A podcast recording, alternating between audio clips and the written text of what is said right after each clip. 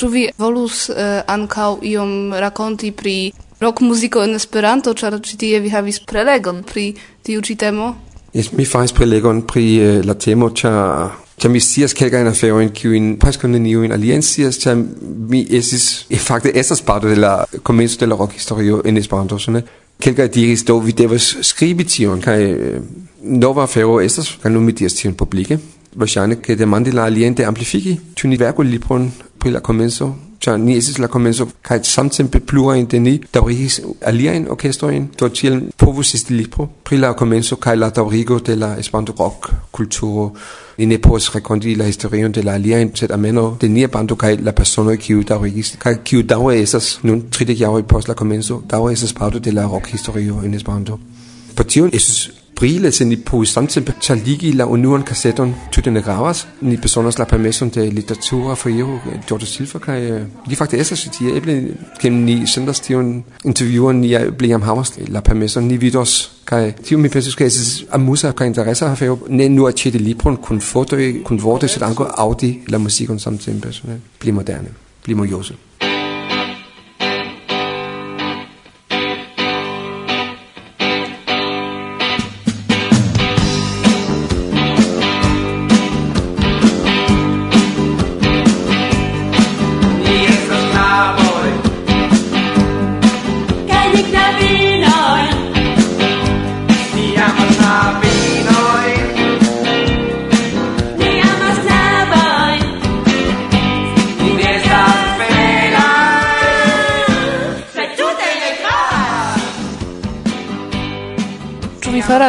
io ein por uh, varbi homo in crei rokan muzikon en Esperanto? Ne.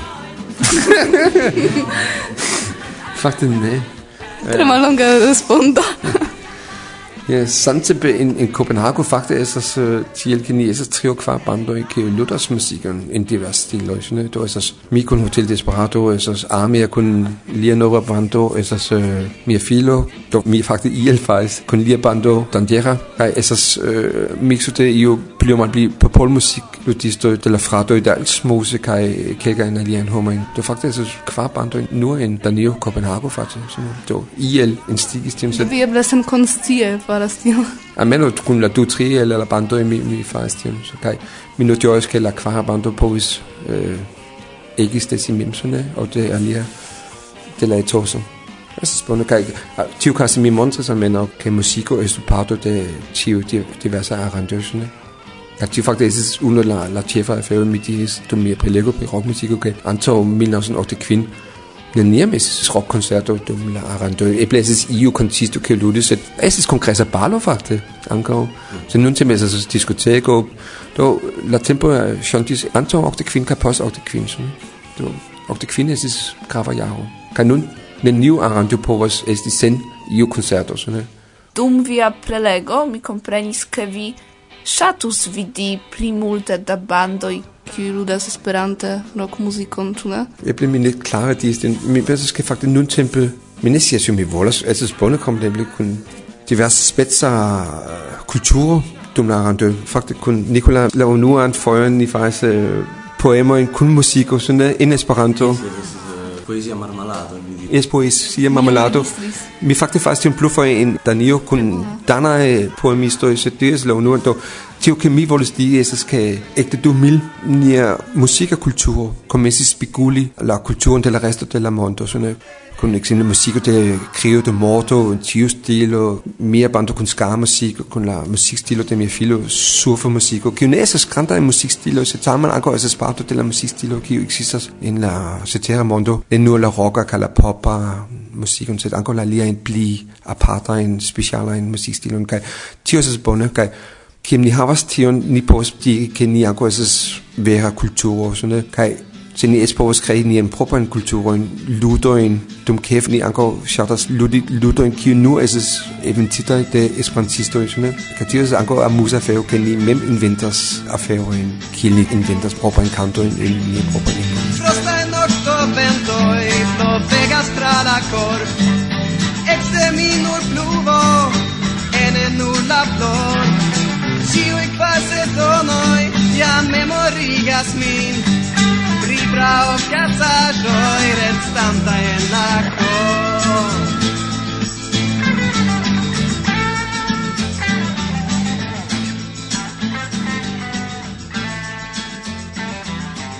Kiam muzikistoj dum la renkontiĝoj kantas nesperante, kion vi pensas?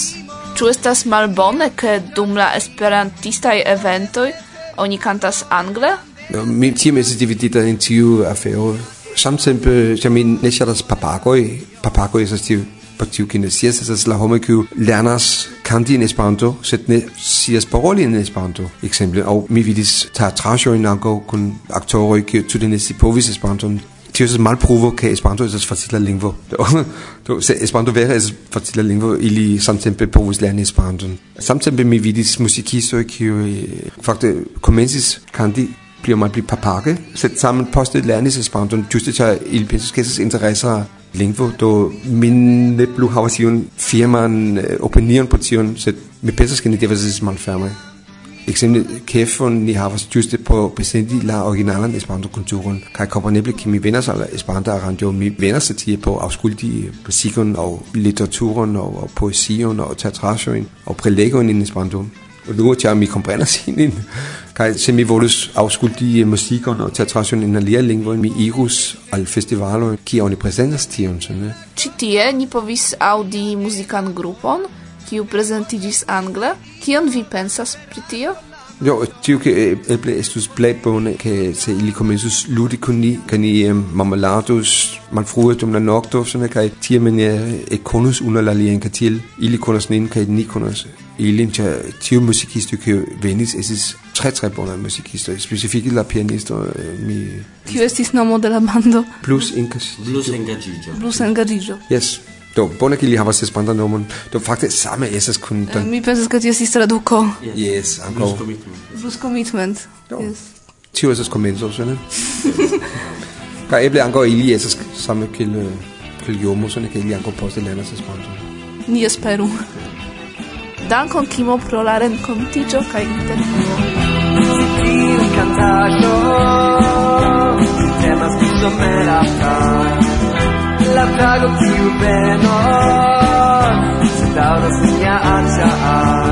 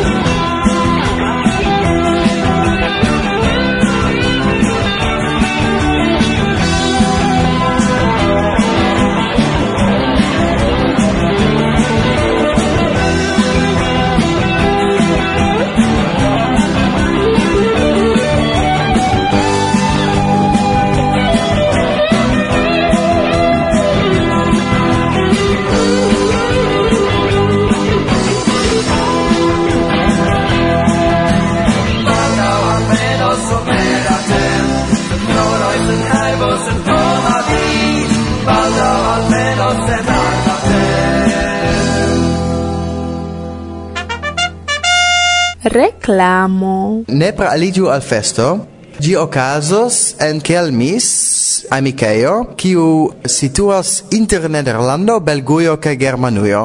Kaj gi estis kaj nun denove estos Esperanto Stato.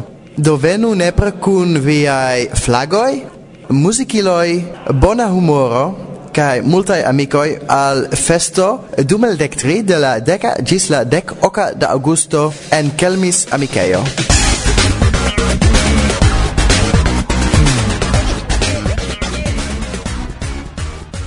Varsovia vento, bla bla bla. Mi accuso ludis pianon, cae mi vidis che li habis fiancinon. Do mi diris eble la piano rilatigas iel al afero fero de la fiancino, e mi desiris habi fiancinon en tio epoco, sed mi ne habis pianon nec monon. Do mi acetis gitaron, cio estis pli malmulte costa, kai poste mi vidis che ne tio multe rilatigas.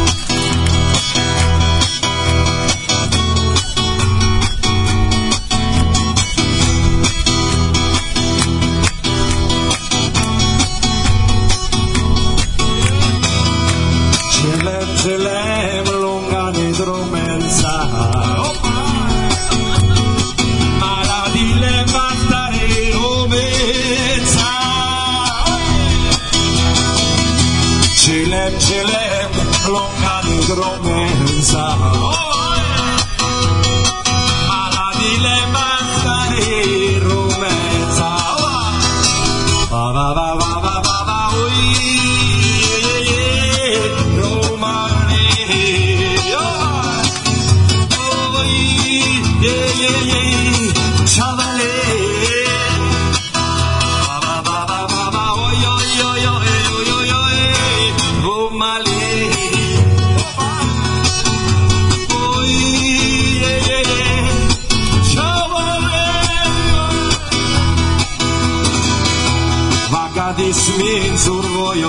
that I'm on the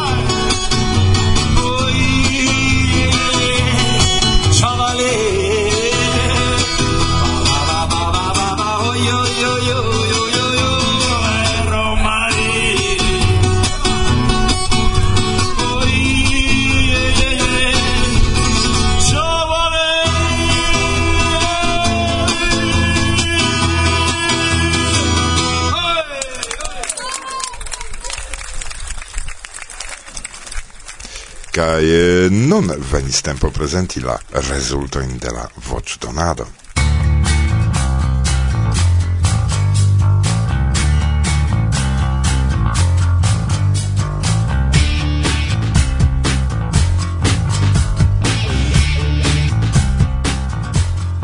El inter tridek kvin muzikaj videoj plej plaĉis al vi.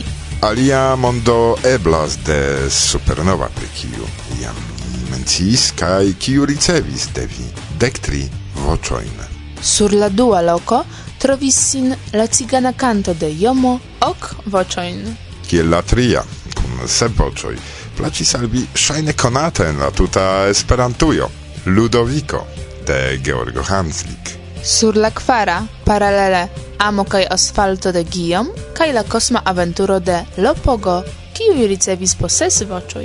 Martei sur la quina loco, la libera cant de Alejandro Cosabella, kiun ekŝatis kvin personoj el inter.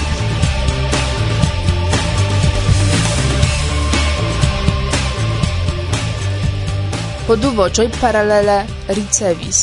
Dudu de Guillaume, Eterna lumo de Tony kun eh, Johnny M, Felicia mal am canto de la curacistoi, kiuj aparte ni salutas. kai eh, du pecoin de Lopogo komenciĝas nova viv kaj Namburgo sen vi. Po unu voĉo ricevis dek unu videopecojn.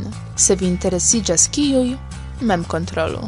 Ciuin tiuin muzicain filmetuin vi povas vidi clacante la ligiloin en la prescribo de la programo, cae certe ne tractu ni la resulton kiel liston de schlagroi Ciui musicae video ja estis faritaj lerte, kaj ankaŭ tio povis influi vian elekton. Tamen la celo estis atingita. Kompreneble, nun ne nur aŭdi la artistojn ĉe Varsovia vento vi povas, sed ankaŭ vidi, kaj ĝuste en penso pri disvastigo de nia kulturo ankaŭ inter ni pri tio temis. La temon pli kaj pli ni evoluos kaj instigas vin fari samon. Yes registru kaj filmu koncertojn, teatraĵojn, interesajn prelegojn, por ke tiuj, kiuj ilin ne povas partopreni, almenaŭ tiel ĝuu nian kunan kulturon. Kaj ne forgesu ilin kompreneble enretigi. Do kiu sekve? Goszka me kaj ŝia plej ŝatata artikolo el la ducent kvindek tria numero de kontakto.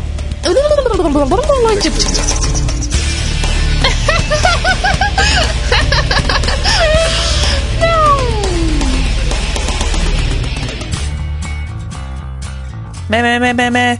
Kaj mi, Goszka me, priparolos ĉef artikolon. Ĝi La mistera lingvo de la okulistoj kaj estis skribitaj de Roger Borges. Ĉefa artikolo estas pri dokumento skribita en cifro nomata kopiale de decnaŭa jarcento. En skribaĵo aperas latinaj literoj, sed ĉefe simboloj, neviditaj en iaj ajn antaŭaj skribaĵoj. Mi legis suffice multe pri lingvistico, mal novai lingvoi, kai kiel ili estis skribitaj, ne nur en alfabetoj.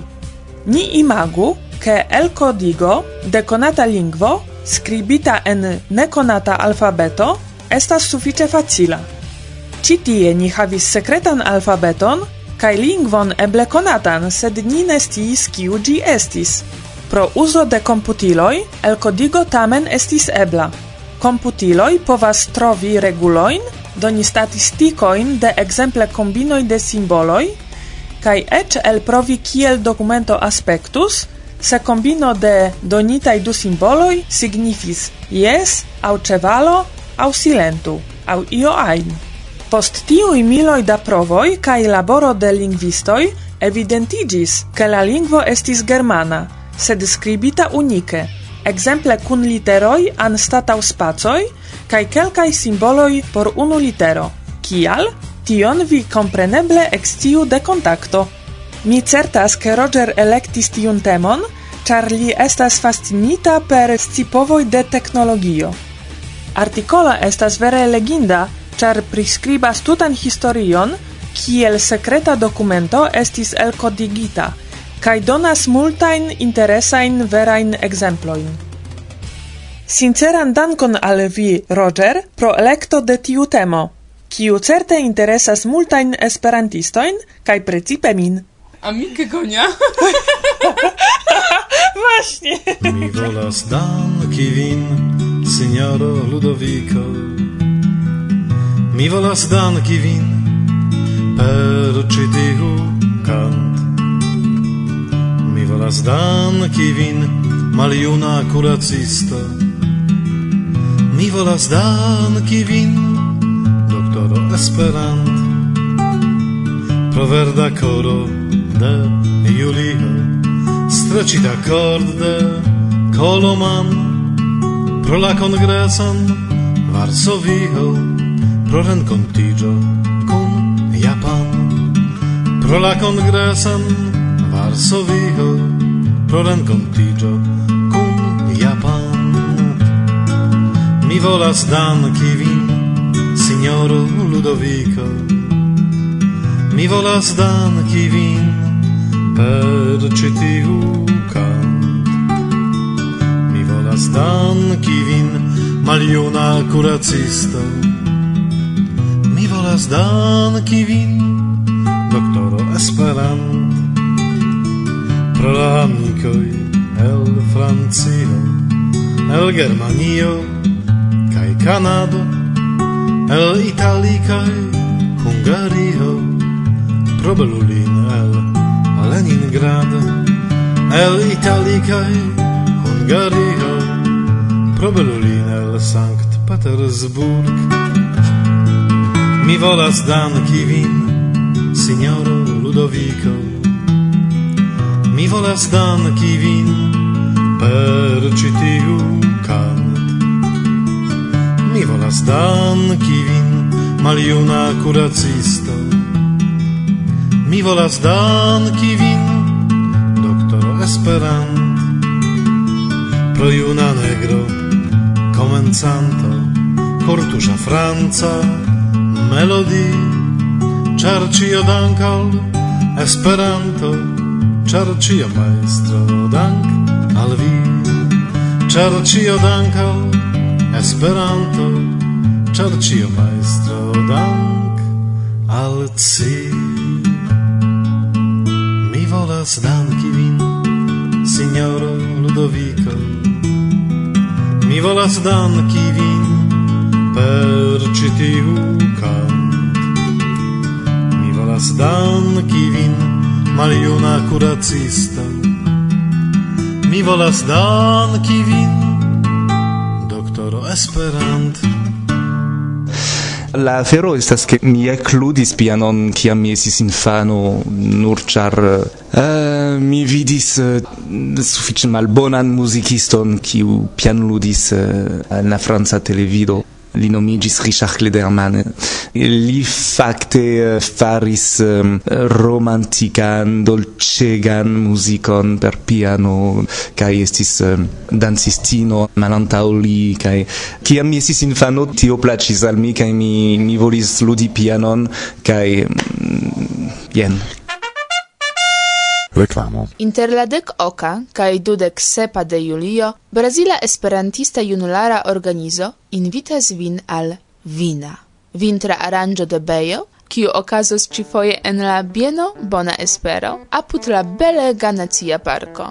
Interesiĝu, trovu ĝojon, emon, tempon kaj nepre aliĝu. Serĉu detalojn pere de la ligilo en priskribo de la programo. Piratoj min forŝtelis fina la chashin Tui post elir blindiga En la play malhela aquel Sed miai manoi fortigis Dank vol del eternul Al venis ni al nuna temp Triumfe ja Ciu vi helpos nin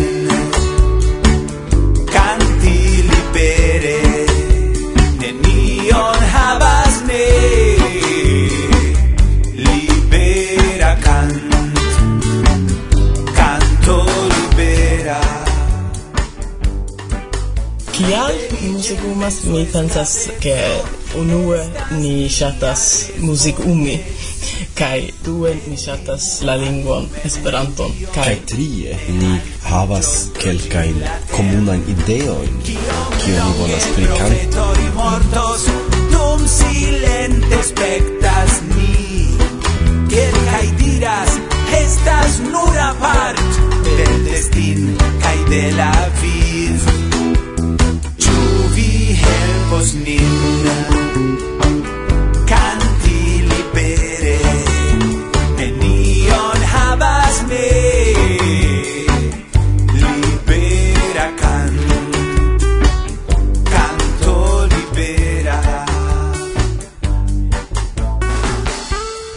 La unua gitaro estis donaco de mia patro en ankaŭ baza lernejo, do ĝi estis iom pli frua ol uh, Esperanto, sed tuj kiam mi eklernis Esperanton, kiel multaj, multaj komencantoj mi provis kaj traduki kaj skribi miajn uh, poemojn.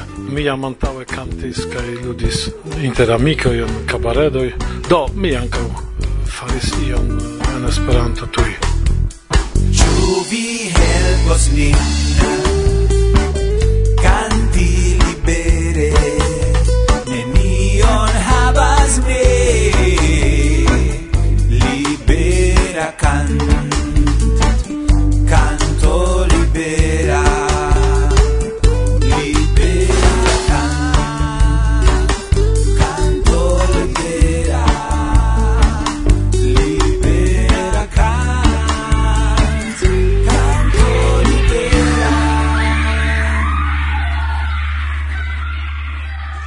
Saluton, ĉi tie Karina. Mi just revenis por prezenti al vi trian lecionon de pola lingvo. Mi tre gioias, ke hodiau mi jam povas esti ĉi tie kun vi kai mi esperas, ke vi lernis diligente kiam mi estis for. Lau mia stio, vi konas jam kelkain polain utilain frazoin, kai polan alfabeton. Hodiau ni ripetos tion, kion vi jam konas, kai lernos fundamentain numeraloin.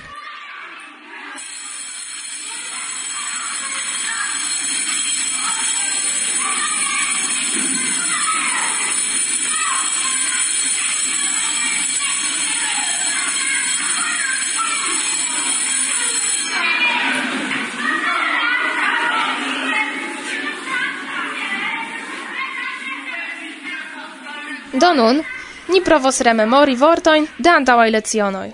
Nun mi demandas, kai vi ripetas. Kion signifas? Dziękuję.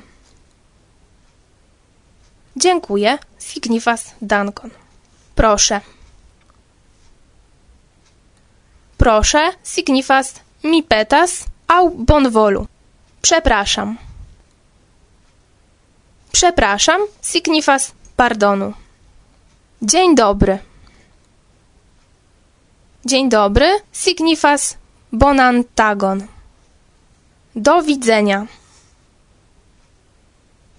Do widzenia signifas gis la revido. Cześć. Cześć signifas saluton. Kocham cię. Kocham cię signifas mi amas vin. Nie rozumiem. Nie rozumiem signifas mi ne comprenas. Pivo. Pivo signifas biero. Kaj nun fino de ripetado, kaj venis tempo por nova materialo. Fundamentaj numeraloj. Nun ni lernu kiel kalkuli. Unu, jeden. Du, dwa. Tri, trzy. Kwar, cztery. Kwin, pięć. Ses, sześć. Sep, siedem. Ok, osiem. Nał, dziewięć. dek, dziesięć. Do via heimtasko estas kalkuli viajn manfingrojn klare en pola. Kaj tio jam estas ĉio por hodiaŭ kaj ĝis la reaŭdo en venonta elsendo.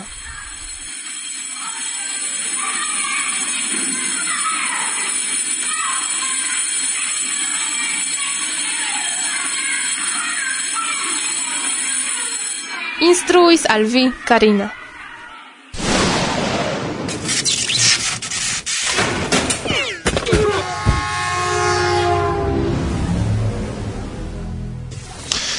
Do ŝajne kelkajn vortojn diri en la pola, jam vi kapablas. Kaj nun eh, la nova konkurso por vi, karaj aŭskultantoj. Kun dolĉa premio por la plej atenta kaj rapida el intervi. Nepre. Vocoi de kiuj muzikistoj vi aŭdis en ĉielsendo? Kompreneble temas pri tiuj muzikistoj, kiuj dum la programo koncize rakontas pri sia unua kontakto kun muziko. Aŭskultu atente kaj rekonu niajn amikajn artistojn. La respondojn ni atendas ĉe ĉiuj niaj retejoj aŭ pere de la redakcia retkesto.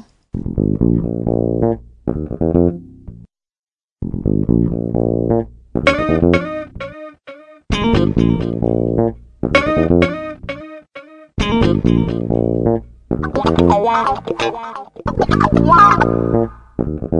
Varsovia vento.